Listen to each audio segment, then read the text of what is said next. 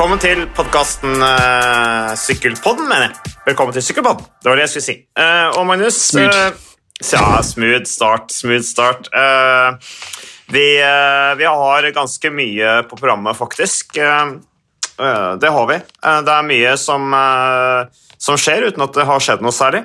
Um, vi har bl.a. et intervju med Alexander Kristoff som kommer. Det er jo litt eh, stort. Jeg ringte han, han var på samling, så vi får en liten update på han. Men eh, Magnus, hva har det skjedd noe? Du er kanskje ikke så veldig opptatt med sykkelnyheter om dagen? Du som er eh, tross alt eh, journalist som jobber med aktuelle saker. Du, det skjer jo kjempemasse. Så det er klart vi prøver å holde oss inne på ryktebørsen da, rundt mm. Cavendish og derfor Uno X. Det er en sånn deilig symbiose der. Så um, det var jo veldig god stemning i eh, en del av norsk sykkelmiljø når eh, laget til Cancellara offentliggjorde sitt lag, der Cavendish ikke var en del av eh, stammen. Da var på en måte ett alternativ ute. Ja.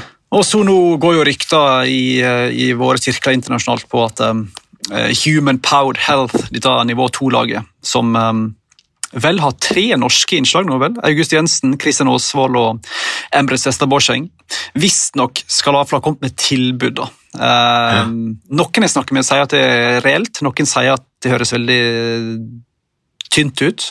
Mm. Plutselig melder Aleksandr Vinokorov seg på for Astana. eh, og så er det, ja, det er masse fram og tilbake. da. Men det er jo selvfølgelig fordi det, er, det henger direkte sammen med om vi får se Uno Extra i, i Tour de France. Og Det er vel, det er vel sikkert enig med meg, det er vel egentlig bare to to muligheter de kan ødelegge Uno X i Tour de France på. Det er vel hvis Cavendish går til enten Human Powered Health Mm. eller blir kompis med Douglas Ryder igjen og blir en del av det nye prosjektet der. Da tipper jeg at de to lagene vil ha i alle fall en fair mulighet til å få wildcard. Men um, det er vel sånn som jeg ser det, i fall kun de to som er kalle realistiske. Mm. Er du enig? Jeg er helt, jeg er helt enig. Eh, Jeg ble ikke sånn kjempebegeistra når jeg så de ryktene om Human Power Health. Amerikansk lag, og man trenger jo amerikansk sykkelsport, og det er et lag som har vært lenge i sport nå. Eh, eh, Mange, altså mange års eh, tradisjon, eller historie har det laget. Eh, Bytta vel sponsornavn i fjor eller forfjor, husker ikke helt. Eh, Hva var det het for noe før? Var det Rally? Rally. Nei, Rally, ja, ikke sant? Mm. Så, så sånn sett så har de lang og tro tjeneste i sporten uten at eh, det nødvendigvis bestyr eh, all verden. Men det er jo Israel Premier Tech som De må jo få den ene invitasjonen. Så det er én plass, eh, og det er klart eh, du har nevnt opp gode alternativ der, og det kan godt tenkes at eh, Cavendish blir det som avgjør om et lag får wildcard eller ikke. Det kan godt tenkes, men vi har jo sett også at en Cavendish ikke i form er jo ikke noe stor attraksjon. Vi husker hvordan han var da han syklet i Bahrain, Merida. Da så vi han knapt. Mistrivdes opplagt. Så det er en eh, risiko å, å hente Mark Cavendish. Du får ikke nødvendigvis eh, valuta for penga bare ved å hente han. Ting skal fungere også. Så eh, jeg tror alle lag som skal hente Mark Cavendish, må vurdere nøye hva de driver med. Og så er det jo noe økonomisk der også, selvfølgelig, som spiller inn. Selv om jeg har jo skjønt på Cavendish at Eller når jeg har snakka med folk som kjenner han, da, det er ikke så mange, men de få jeg har snakka med, de sier jo at, sier at han, han i utgangspunktet nå ikke sykler for pengene. Han, bare, han har tjent masse penger, og han, eh, han, eh, han gjør det bare fordi han har lyst til å fortsette å sykle. Så det skal bli spennende å se. Men eh, det, blir, det, ble, det ble veldig spennende plutselig. altså det ble det. Tror du det er en mulighet for at han, sånn som Pierre Rolland eksempel, plutselig bare offentliggjør at han legger opp? Eller er driven om å ta den rekorden så stor at han på død og liv kommer til å fortsette? Han er jo en vinnerskalle, så akkurat det der eh, smaken på suksess eller det der å være, bli historisk, det tror jeg tenner han ganske mye. Um, men jeg så jo han Peter Kenyak, har ikke hørt intervjuet, så han var med på en podkast tidligere, Skyrytteren fra Storbritannia, som plutselig la opp. Han sleit vel med depresjon og greier. Han var jo i, i bordet hans og hadde vel litt spiseproblemer, men uh, litt utfordring med, med spiseforstyrrelser. Men han, uh, han, sa, han mente jo på den podkasten at Cavendish hadde allerede signert en kontrakt. Og Kenyak skal jo visstnok være en relativt god venn av Mark Cavendish. Jeg vet ikke hvor god venn han er, men uh, ja, det kan jo være at det er riktig. De bare har ikke offentliggjort det ennå.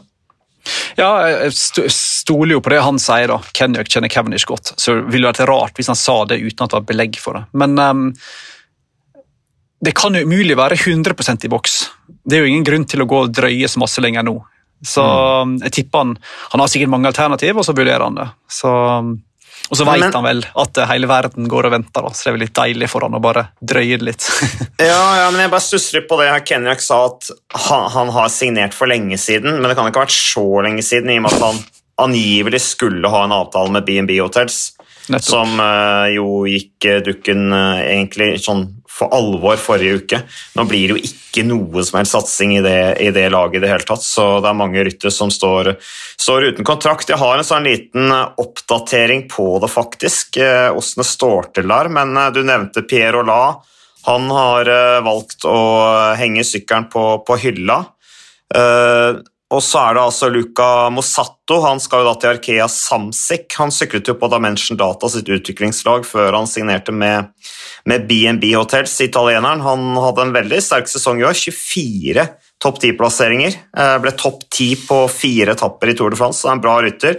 Eh, Koretski har vi nevnt. Viktor Koretski, som jo er tidligere terrengsyklist. Han skal jo kombinere begge deler. Han skal til bordet Hansgrohe, så de tror jeg satser litt på det der, at de har ryttere som kjører flere disipliner. Har du Steven Williams, som eh, har signert med Israels Premier Tech, og da er jo da spørsmålet De har vel da de har vel to plasser fremdeles ledig i eh, Israel Premier Tech. En av de kan kanskje gå til Mark Cavendish, blir spennende å se. Og så har du Ramón Sinkeldal som nevnt. Ja. De sa vel at jeg var, at jeg var ferdig for sesongen. Steven Williams mm. var sistemann inn, så hvis vi stoler på det, så går han ikke dit.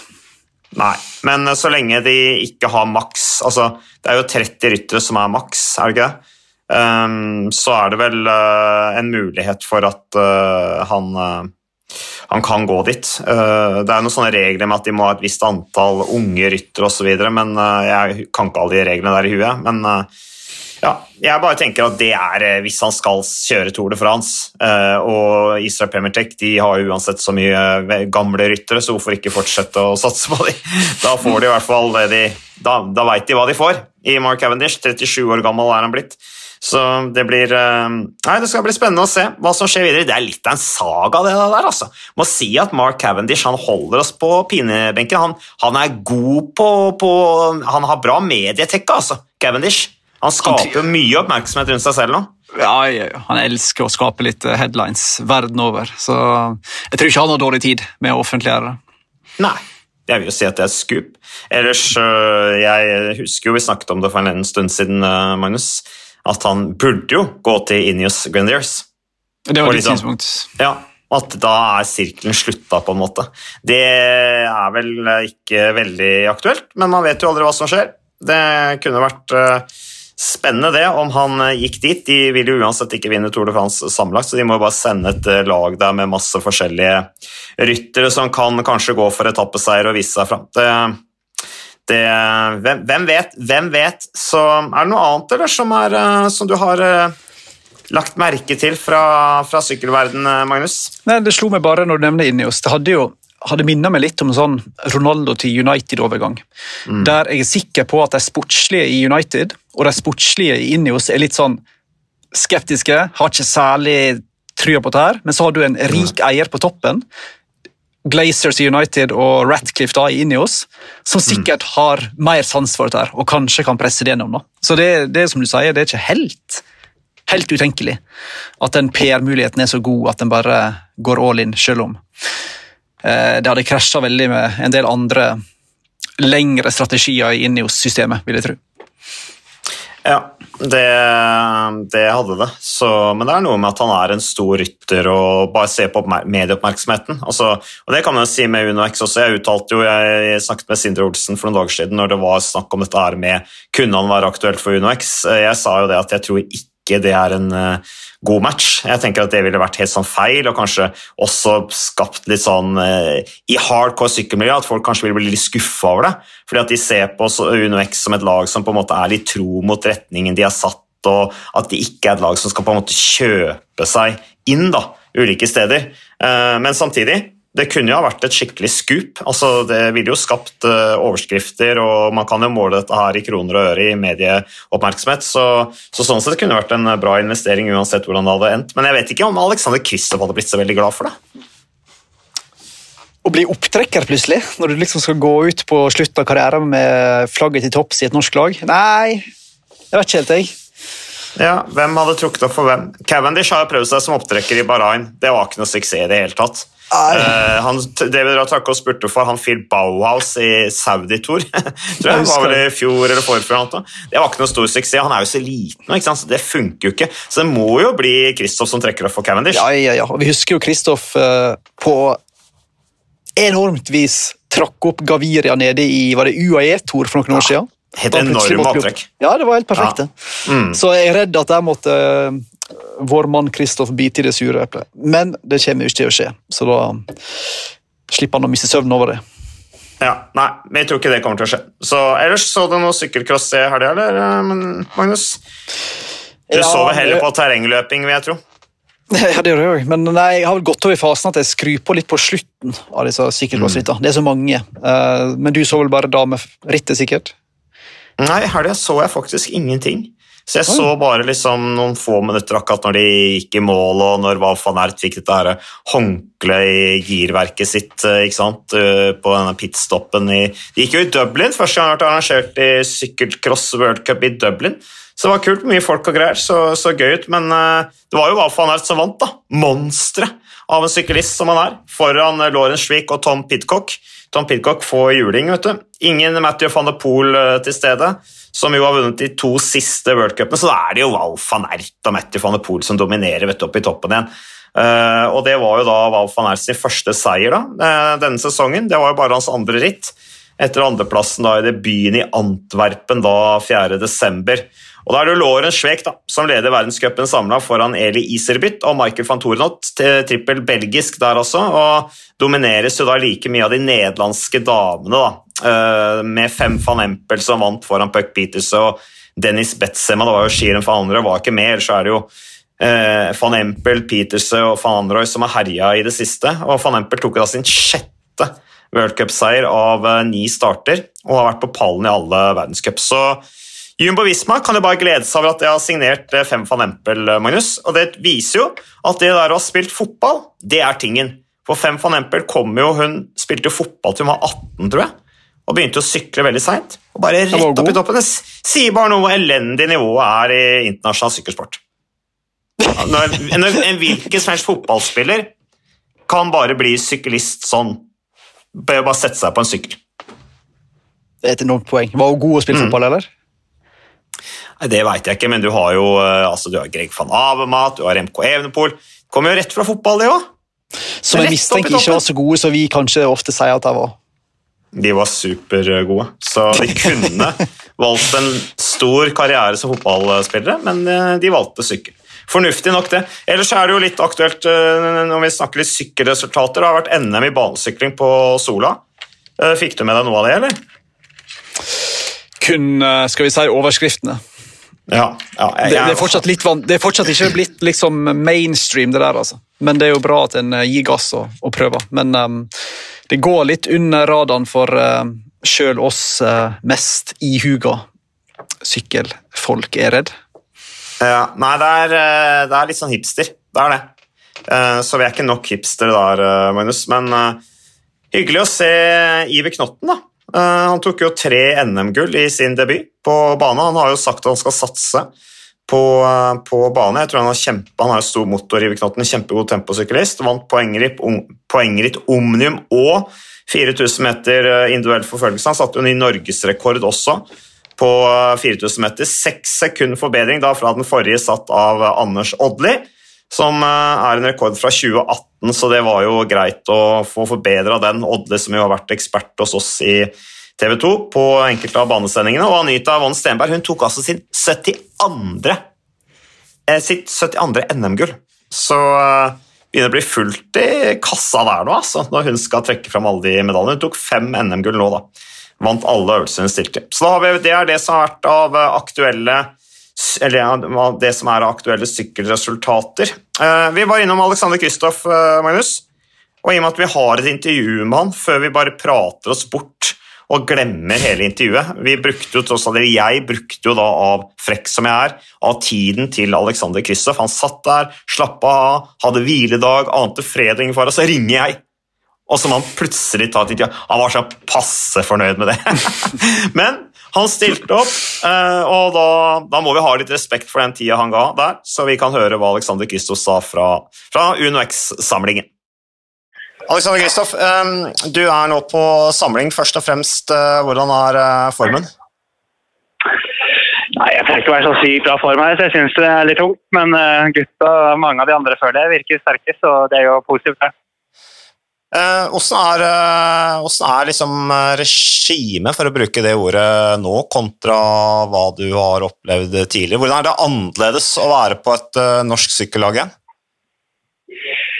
Ja, det er litt annerledes. Jeg føler timene går fort. Det er alltid noen å snakke med. og Vi har jo litt til felles. Vi er fra samme land, eller nesten samme land. så Sånn sett syns jeg treninga har gått veldig fint uh, foreløpig ja, det er jo så klart lettere å snakke med en nordmann enn en fransk som ikke kan engelsk, f.eks. Så, så sånn sett så, så, trives jeg godt på trening. og ja, så er vi jo et område jeg kjenner godt og kan veier og sånn, og det hjelper jo på når du vet litt hva som kommer og hvilke intervaller man skal kjøre og hvordan svingene og, bak og bakkene ser ut.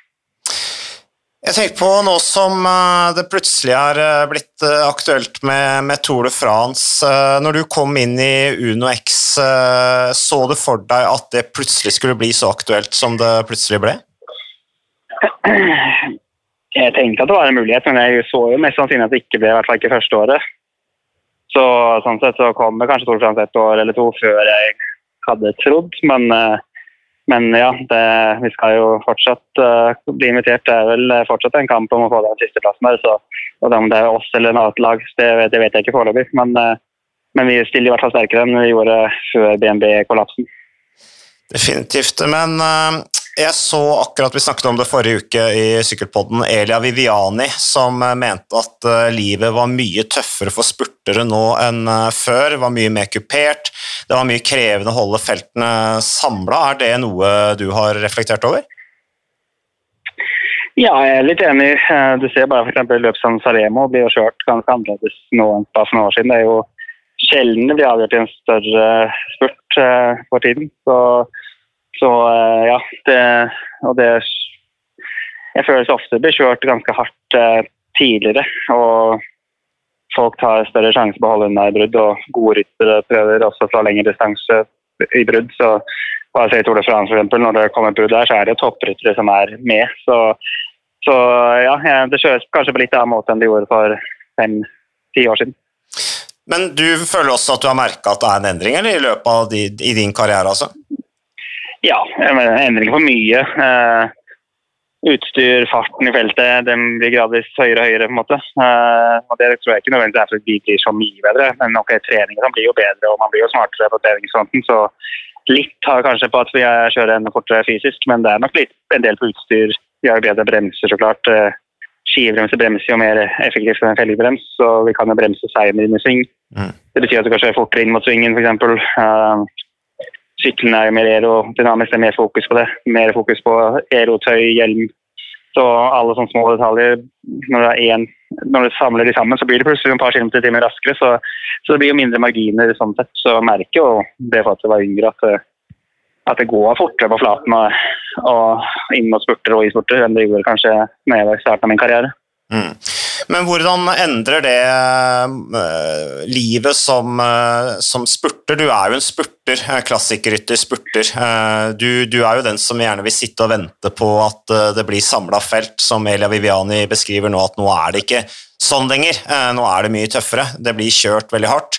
Det er gjerne 2000 meter klatring før en, en spurt, men hvordan endrer det måten spurterne må tenke på i forhold til forberedelser til sesongen og trening?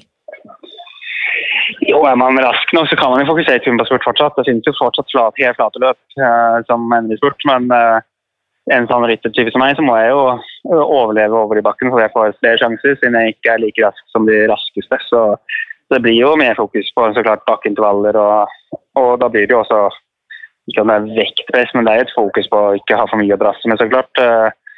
Eh, sånn at man er best mulig forberedt på å komme seg over kneiker og harde partier i løypa. Eh, ja, så, men det er jo klassikeren uansett. måte. Det er ikke gunstig å, å drasse med for mye, og det har det aldri vært. Så det er jo mye opp og ned i klassikere generelt. Men ja, jeg, lenge bak vil jeg aldri henge meg og bra, men i litt korte sånne kraftkneiker så er det jo, er det jo noe som man, man som ryttertype sånn som jeg, kan klare å komme seg over.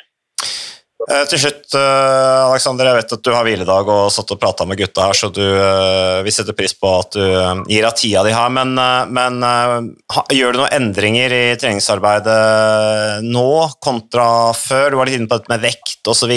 Du blir jo eldre. Merker du at ting er tyngre, eller syns du det er, går like greit? Nei, jeg syns det går greit, tenker jeg, men jeg, jeg merker jo kanskje sånn peak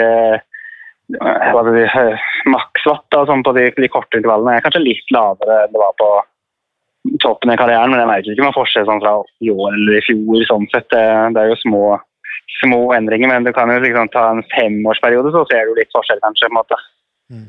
Men eh, fortsatt så Nå er jo en del av karrieren at det vil ikke nødvendigvis bli så mye bedre. Det er jo heller å prøve å holde nivået så godt som mulig på en måte fra, fra år til år. Så, så ja, jeg prøver jo og forberedte meg på best mulig måte. og jeg føler jo vi har vært veldig flinke til å trene her nå på denne samlinga hittil. Nå har vi hatt eh, to, eh, to bolker, og så har vi vel én og en halv igjen. på en måte. Så, så eh, ja, det er god stemning i gruppa og høyt nivå synes jeg, treningsmessig. Så vi får håpe at det er like høyt når vi kommer i løp. Men du nevnte at gutta var spreke. Er det noen som utmerker seg som du er blitt spesielt imponert over der nede, eller? Ja, det er noen som kjører bra, det er det jo. Eh, det er ikke tvil om, så uh, ja, det, mm, Både i spurtene blir jeg jo kjørt av de yngre gutta. Uh, har ikke har til gode å vinne en spurt, føler jeg. Ah, uff, deprimerende da, ja, Alex. Men det, de, de, de, blir jo veldig oppa, da, tenker jeg. De blir vel uh, sikkert motivert av at de slår den gamle mesteren? Ja da, men ok, f.eks. han Erlend, som er jo raskest her òg han har slått meg i mange år på spurten hjemme i Stavanger, så det er ikke noe sjokk. sånn sett, Men uh, han, uh, han, har vist lovende takter der, syns jeg. Så vi får håpe at Halvorsvold holder seg skadefri, så, så, kan det bli spennende med han uh, i sesongen. Ellers så, ja, så er det bra nivå på bakken nå, syns jeg. Så, men jeg har ikke vært, jeg har vært i klatregruppa, så jeg skal ikke uttale meg så mye hvem som er raskest der. Men det jeg har sett og vært med på et drag der, så følte jeg jeg hang langt bak at jeg gjorde i fjor på Intimarché f.eks. Så de norske gutta er spreke, og de danske også, selvfølgelig. Men uh, tusen takk skal du ha, Alex. Så får du stå på videre og kose deg på, på samling. Yes, takk. Ja, hyggelig å høre hva den gamle mester uh, Alexander eh, Kristoff sier. Det var litt rart for han. og plutselig, liksom, Det er sånn tilbake til røttene. Norsk lag, masse unge ryttere. Skal han være der som en sånn der senior? Passe på de, Sikkert ganske klare meninger om hvordan ting skal gjøres, men kanskje litt ydmyk òg. For det er kanskje litt sånn ja, nytt, nytt for han å være i det laget og ny tilværelse, liksom. Hvordan, hvordan funker ting her, liksom? Hvordan er det å være i et norsk lag igjen? Han som var i Joker jo. back in the days. Eller hva det het den gang. Da het det kanskje noe annet. Ja, det var vel Joker det het. Hvis, hvis han blir, eh, hva han sa, rævkjørt på trening Mm. så uh, tyder det på at det er ganske mange som uh, ligger bra an. da. Kristoff uh, er jo ikke typen som møter opp uforberedt i treningssamling om vinteren. altså. Han er proff til fingerspissene, så hvis han blir rævkjørt på trening, som han så elegant sa det, så, um, mm. så er det mange som er i form i UnoX. Så det virker bra. Og han nevnte jo at nivået på mange måter var høyere. Det er vanskelig å sammenligne selvfølgelig da, fra leir til leir og fra år til år, mm. men um, nivået er litt høyere kanskje enn det var på Intermarché uh, samme tidspunkt i fjor. Så ja. virker jo um, gjengen i gult og rødt til å være i rute. Sånn må ja. vi tolke det. Ja, og Intermarché hadde jo ikke noen dårlig sesong i 2022, så sånn sett så slepte seg sikkert ikke bare rundt på samling, de heller, men det er sikkert et litt annet regime vil jeg tro, på treningssamling med Uno X enn det er med Intermarché. Jeg mistenker at det er litt mer spissa på UnoX-samling, litt mer laidback på, på Intermarché-samling. Men uh, uten at jeg kan uttale meg skråsikker om det. Men uh, han sier jo her også Kristoffer, at det er én bakkegruppe og én på en måte klassikergruppe, eller flatgruppe, kall det hva du vil. Um, så, så, det er jo bra at de, de, gjør det på den måten og virkelig spisser det i, i fjellene. Uh, det sier litt om satsinga deres. Uh, og så, skryter han jo av Blikra, som hadde en fantastisk avslutning på sesongen, så bra at han faktisk ble tatt inn igjen i varmen i Univex. Han jo egentlig, hadde jo egentlig ikke kontrakt der, men så kjørte han så bra i Lankavi uh, at han uh, fikk ny kontrakt likevel. og Kristoff skryter han, men så er han litt sånn presiserer liksom Ja, men han har jo alltid slått meg på trening.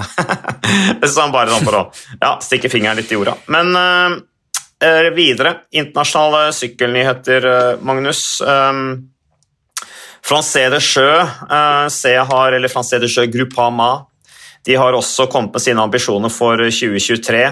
Thibaut Pinot skal til Giron. Han er ute etter hevn. Det er fem år siden sist han var i Italia rundt.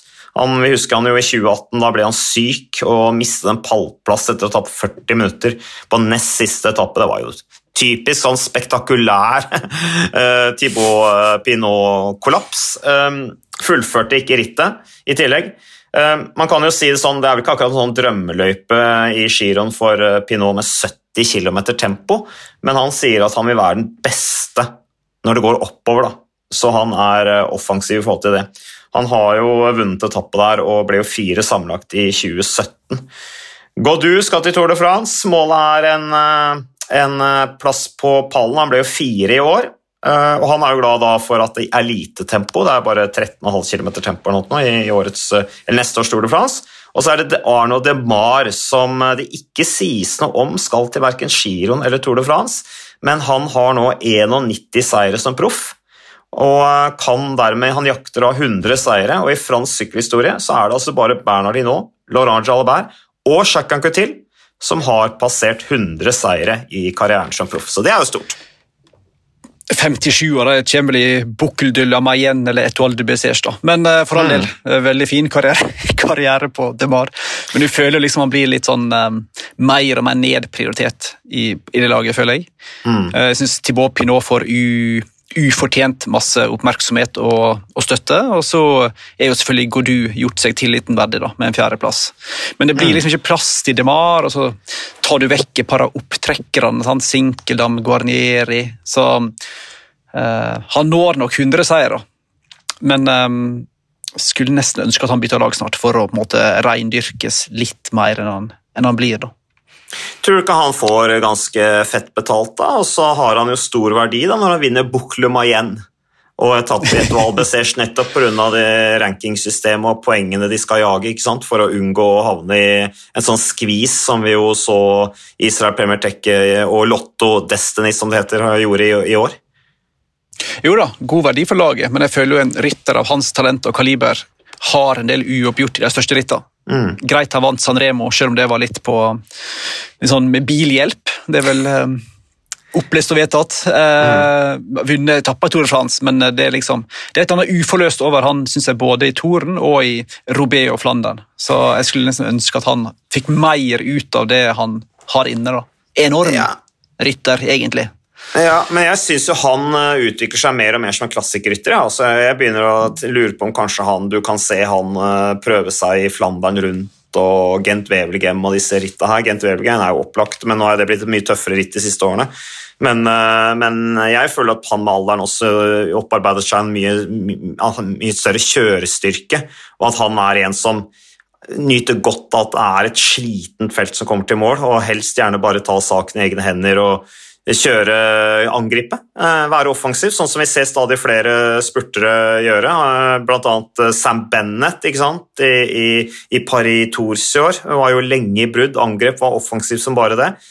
Så de blir litt Ja, de helgarderer seg litt mer, disse spurterne også nå, og bygger kapasitet, sånn at de kan tyne disse unge, kanskje litt raskere rytterne inn mot finalen. Ellers er det jo imponerende, vi har snakka om det før, om alle disse talentene i Francais Sjø. da som altså de, før sesong så henter de altså, eller, eh, nei, før neste års sesong så henter de altså kun ryttere fra eget utviklingslag. Åtte ryttere henter de fra utviklingslaget sitt. Roman Gregoire, Lenny Martinez, Ruben Thompson og Samuel Watson blant annet. Eh, og utviklingslaget de hadde jo en utrolig sesong i 2022, vant 29 ritt. Eh, og de unggutta skal visstnok være en sånn stamme da, i neste års Spania rundt. Så det er litt artig. Det syns jeg er litt kult. Um, det har jo da Mark Madia, som jo er manageren i Francais de Jeu. Han har god grunn til å være fornøyd. En annen gammel høvding og manager som ikke er like fornøyd, Magnus, det er Patrick Lefebvre. Han er uh, utålmodig. Er ikke han fornøyd? Nei. Å ja. Er Han er. Han er jo han er veldig fornøyd med Remco Enepol. Eh, og jeg tror Remco Enepol, uh, som han sier i dette intervjuet jeg så nå uh, Jeg er ikke sikker på hvor det var, beklager det, men eh, han sier jo Remco Enepol han er veldig fornøyd med han. Han kjører på bonuskontrakt og har visstnok da samla inn masse bonus i 2022, som han da kan eh, nyte godt av de neste årene. Men han er utålmodig da på vegne av Julian Alaphilippe, sier Patrick Lefebvre, da, eh, som da uttaler at Alaphilippe har lønn som, som er en mester verdig, men han vinner jo for lite og velter for mye. Så eh, der fikk han passet påskrevet i, i media.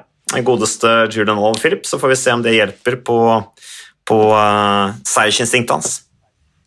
Ingenting er som en støttende leder.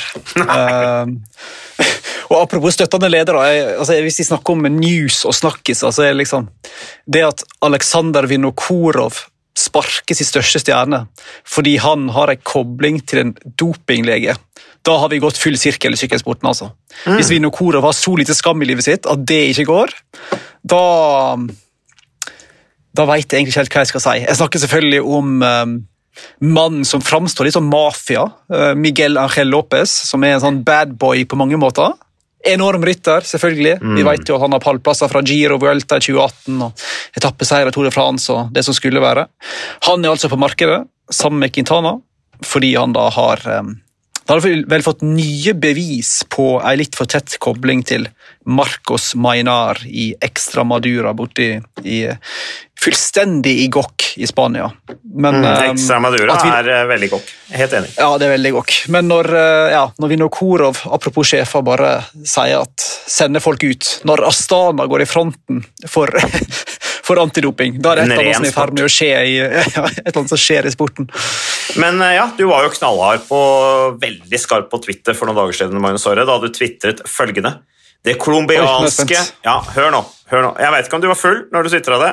Det, var, det var helt innafor. Men du skriver også på Twitter det colombianske sykkeleventyret begynner å slå sprekker, skriver du. Miguel Angel Lopez og Quintana, to av de største, uten lag etter å ha fått sparken. Ingen land har flere enn Colombia på UCI sin liste over utestengte ryttere. Syv herreryttere har jeg telt. Magnus. Så, Det er riktig. Ja, det er altså Edvin eh, Avia, Pantano, Zapada, Ardia, Rincon, eh, Alberto Largo, han kjenner jeg ikke, og eh, eh, Orlando Beo. Det er de jeg har på den lista. Ja, de har blitt gode på å ta en del av disse her, kall det supermosjonister, eller lavere de som er lavere på rangstigen proff. der. Men de klarer liksom ikke å ta disse her storstjernene. Men uh, det begynner jo å se litt uh, mørkt ut, da. Og det er ingen hemmelighet at uh, colombiansk antidoping kanskje ikke er helt der oppe og nikker med de beste i verden. Så det Ja. Nei, det er jo ikke de som har stått i front i etterforskninga der, det er vel spansk politi som har gjort. Nei, sant. Og ar arven etter, etter juksemakere som Santiago Botero og Victor Hugo Peña og co., den, er jo- den er jo tung å bære. så... eh, eh, Colombiansk sykkel har vel hatt bedre dager. Eh, Tar hvis Ja. regner med Bernal, som er veldig langt unna et fullverdig comeback i tillegg. så Det begynner liksom å Gaviria, som har gått helt uh, Mm. off-pist uh, siste åra, så begynner det liksom å Det er ikke så pent som det så ut som for en stund siden. da. Nei. Nei. Ellers så hadde du jo eh, Lucio Herrera, da, som jo hadde uttalt at ja, nå gir jeg opp. Nå har jeg ryttere med store rumper. Da refererte han til uh, ryttere som Cipollini, som passerer meg i fjellene. Nå er det ikke noe vits mer. Og det var jo da, Han var jo da frustrert over det han mente var denne økende bruken av EPO i, i feltet. Så, så, så der Det var jo et eh, forbilde. Lucio Herrera. Den lille myggen som eh, danset opp fjellsidene. Hva skal Lopez og Quintana gjøre nå, da? Er det Gianni Savio som blir redninga her, med sånt Conti-lag, med base i Colombia, kanskje? Har de ringt til eh, Jens Haugland i UnoX? Hørt hva han sier? Jeg spørs om UnoX eh, at de får en sånn Ja, ja, Vi fikk ikke Cavendish, liksom, men da henter vi Lopez og Quintana begge to. det spørs om det er, eh, er noe innertid. Uh, nei, jeg tror ikke de, de, snakker sammen med jeg tror ikke de snakker med UnoX også. Men jeg vet ikke hva en ryttersmann skal gjøre. Ja, Magnus, uh, jeg tenkte grann på det. altså Jeg så noen spekulerte på det òg. Altså, har egentlig Astana nok bevis til å sparke han altså i en, i en rettssak? Altså, kan det slå imot de? Uh, hvis han f.eks. da blir frifunnet, da, fordi at det mangler bevis i saken, eller noe, uh, kan det da slå tilbake på dem? Man vet jo aldri. Han er under etterforskning, han er ikke dømt, så det er jo relativt friskt av de å, å være såpass tydelige som det de er her, da, med, med sparkingen av Lopez.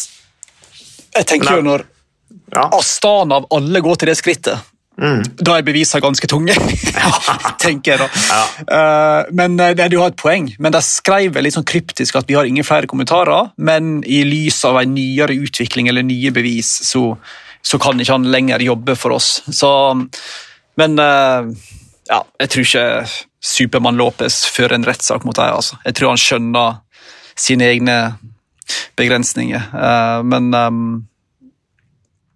Nei, Det blir spennende. Ja. Uh, ja, han, at, at eh, sånne ryttere plutselig på markedet. Han har jo allerede vært suspendert fra laget, og han har jo også uttalt at han ønsket seg vekk fra Astana, så nå får han det jo som han vil. da. Uh, og Mange lag har jo sånne klausuler med at du ikke kan benytte lag, altså leger eller trenere som ikke er godkjent av laget, f.eks. Mm. Så jeg tipper det er en del sånne teknikaliteter de kan ta ham på. Så, ja, forhåpentligvis. Og Lopez har vært i så masse trøbbel nå snart at nå må han begynne å, man begynne å feie for egen dør før han skulle angripe andre, tenker jeg. altså. Ja, ja. Eh, ellers, eh, Primoz Roglic eh, blir 33 år gammel nå. Han ser ut som han sliter litt. Eh, han eh, har ennå ikke begynt å trene skikkelig. Eh, han sier at han kan ikke svømme engang, sier han. Pga. denne operasjonen han har hatt på skulderen. Skal på et lettere vårprogram grunnet disse operasjonene. Og da, også er det da folk som spekulerer i giroen, men jeg tenker jo hvis han er bakpå nå og snakker om at han skal ha et lettere vårprogram, så er det ikke giroen som liksom er det mest opplagte, i mitt hode i hvert fall. Så vi får jo se. Uh, han sier jo at han gjerne skulle vinne, han vil gjerne vinne giroen, VM, Lombardia, og så sier han også og så er jeg ikke helt ferdig med Tour de France. Så uh, jeg unner egentlig Roglic og alt godt. Han syns jeg er en uh, en skikkelig kriger, det må jeg innrømme. Så um, han har, har, fått mye juling, eh, Roglic, det er alltid gøy når han, han, lykkes. Ellers så har det jo, Vi kan jo snart gi oss nå, Magnus, for vi må jo ha litt eh, respekt for eh, lytterne våre også som skal høre på dette her. Men Lotto Destiny og Israel Pemertech de er jo da offisielt ute av World Touren. Det skjedde for noen dager siden. Alpezin, De König og Arkea Samsic er inne, da blant de 18 lagene. Det blir da ingen utvidelse av World Touren, som vi har snakket om, sånn som lageeier lageier i Israel Premier Tech, Sylvain Adams, snakket truet om. Uh, eller ønsket. Han truet jo også om rettssak og sa at han ville trekke seg fra sporten. Det skjer ikke. De har gått ut og sagt at de er offensive nå. Og jeg tror at det er fordi at de er ganske trygge på at de kommer til å bli tatt ut i Tour de France, og da kan de leve med at det ikke er World Tour. Um, og så er det jo litt sånn, ja, alle lagene som får da en treårslisens, da, da Eh, Arkea og, eh, og um, Hvilket var det andre laget som jeg nå har glemt? Uh, jo, Alpecin König de, de, må da registreres på nytt årlig, så alt må stemme med regnskapet og disse her kriteriene for å kunne være på World Tour. Det er jo ikke bare det sportslige. Og så blir det spennende å se da, hvordan det utvikler seg videre. Men DSM Magnus, de fikk en liten anmerkning. Altså DSM sitt andre og tredje år med lisens avhenger av ytre dokumentasjon relatert til det økonomiske. Så her har de gått grundig til verks. Vet du noe om det, eller? Nei, men det, det kommer jo overraskende på mange. det. Mm. Men da tenker jeg jo at det nettopp er ganske klokt å ha gjort sånn som UnoX og allerede søkt om World Tour-lisens. Mm. For hvis da plutselig DSM sliter om ett års tid, så er det jo eh, mer nærliggende å løfte inn UnoX enn andre som ikke har vist sin interesse. håper jeg. Eh, så det kan jo faktisk være interessant å følge med på. Men nei, jeg kjenner ikke til hvorfor de plutselig har havna litt sånn i økonomisk uh, usikker, usikkert farvann. Men det kommer overraskende Kan det være lengden på sponsorkontrakten, eller? Ja, har inntrykk av det er, det er et lag, ja, altså det er et lag mm. som jeg alltid har sett på som er alltid i orden. Laget til Andreas Leknessund og Jonas Iversby Widerberg. altså det er, ja, det er sett liksom trodde at de alltid hadde ting i orden, men det kan jo være at de rett og slett uh, sponsoravtalen at de må reforhandle den for å få lang nok sikkerhet. Uh, så vi får se. Men uh, da er det altså Lotto Destiny som er beste pro-team, med Total Energies med Edvard Baasen Hagen og Peter Sagan i spissen, som er på andreplass. De er da automatisk invitert da til alle World Tour Ritt og Grand Tours, altså treukersritt. Og så er Israel Premier Tech avhengig av invitasjon. Da, så har disse nye pro-teamsene som du nevnte her. ikke sant? Eh, du nevnte ikke Bolton Equities Blackspoke, som er fra New Zealand, men du nevnte jo dette laget til Carl Fredrik Hagen, dette Q36.5. Og så har du Corratec og Tudor, som er laget til Cancellara. Hvor uh, du bl.a. har uh, han, Hva heter han dansken som skal sykle der? Alexander Kamp. Ja, Alexander Kamp, ja. Som jo har hatt en bra sesong, som skal eh, kjøre for uh, laget til Cancellara. Så... Det viktigste for oss som kom kommenterer litt sykkel, litt, Mats, er jo at Q36,5 får seg et skikkelig navn. Vi kan ikke drive og, og, og snakke om det på lufta. Altså. Her må det komme et skikkelig navn. Nei, ellers så må vi bare lære oss hvordan det, hvordan, hvordan det, uttales, på en måte. Det må jo være en som vrir der. Q36,5. Ja, ja, eller er det kanskje Nei, på sveitsisk skulle... eller afrikan, eller Kanskje et eller annet sånt? Det ble sagt innledningsvis at det var en slags en arbeidstittel, og at nav laget skulle få et annet navn. Men vi får se, da. Det er jo desember, mm. og har ikke hørt noe mer, så vet aldri. 15 World Tour-lag for damer. Der var det faktisk 18 lag som søkte. Eh, og det viser jo da at World Tour for damer er i vekst. Så det er veldig positivt. Phoenix de König er da inne med sitt eh, damelag som tidligere het Plantur Pura, og UnoX er jo også der på World Tour-nivå, så det er eh, bra. Um, da har jeg egentlig tatt det jeg skulle, Magnus, av, eh, av, det jeg hadde lyst til å gå hjem. Jeg har forresten ikke nevnt at Tour of Norway kuttes fra 64 dager pga. for høye kostnader, men det kan vi leve med. Um, Første etappe starter i Bergen, skal til Fløyen. Har du, Stemmer det, eller? Har du hørt noe om det? Det stemmer, ja. Ja, ikke sant? Det blir jo mm. spektakulært. Da, får vi litt sånn, da kan vi mimre litt da, til VM i Bergen 2017, uten å snakke om økonomi, selvfølgelig. Uh, og så har vi jo unge norske ryttere til Too soon. ja, nei, det, vi, Da må vi snakke om alt annet enn økonomi. Uh, så har vi flotte bilder som vi kan mimre tilbake til. Martin Kjøtta han uh, sykler for Burgen Bress syklisme i Frankrike. Han skal til Arkea Samsic sitt utviklingslag. Det er en veldig god nyhet, syns jeg. Sykler for Ringerike Sykkelklubb også, vant Sundvolden Grand Prix i år. Ble fire i NM landevei, allsidig rytter, og da skal han være lagkamerat med Bryan Bergil, broren til Varen Bergil. Det er stort. Tobias eh, Nakken skal til Trinity Racing, og det er gamle laget til Thomas Pidcock, så det er også en eh, spennende signering. Det er vel det laget til han der britiske sykkelagenten, han eh, Uh, slektningen, altså broren til uh, McQuaid? McQuaid, ja, som driver det Trinity mm. Racing. Så det, det, han har mye kontakter, så her er det bare for Tobias Nakken å, å kjøre på. Uh, og så har vi allerede nevnt Marius Innhaug Dahl, som skal sykle for Arges R sitt juniorlag. Så ja, nordmennene de eh, reiser ut. Det, når de ikke får plass på Unox, så er det gøy å se, syns jeg. Det er offensivt. Og det er masse muligheter der ute. Mye bra satsinger på, på utviklingsnivå uh, der nede i uh, Europa. Så det er bare å pakke sekken og dra. Gjøre det til et eventyr. Lære seg språk. Flott utdannelse Ville du gjort det samme, Magnus? Om du liksom slukøret måtte innse at du ikke fikk plass i UnoX, eller Coop for den saks skyld, ville du da sagt ok, da pakker jeg sekken og så reiser jeg til utlandet og prøver lykken der. Eller ville du Nei, jeg vil ikke reise med mamma. Jeg velger alltid minste motstands vei, så da hadde jeg uh, satsa på akademika isteden. Du hadde det, ja? Ja. Ja. ja. ja. da, du er jo sånn akademiker, du er det. Jeg har ikke mentaliteten til å kjempe om posisjon i felt og albuer her og Mm. Og tisse, tisse, underveis du sykler. Altså det, det, ligger ikke for meg, da. Nei, men du kunne jo stoppa å tisse. Altså, ja, det kunne jeg forstått. Du kan jo holde deg òg, liksom. Du må ikke tisse. Det blir for så... barbarisk, det òg, så jeg tror ikke det hadde Har ikke passet meg. Nei, nei.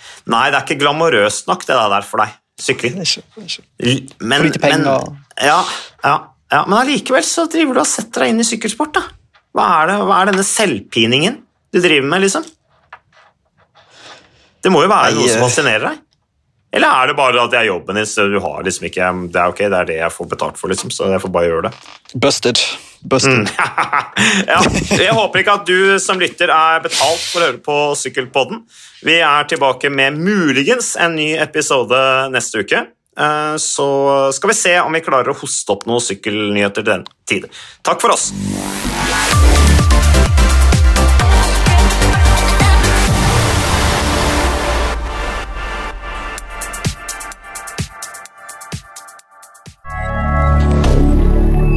Moderne media.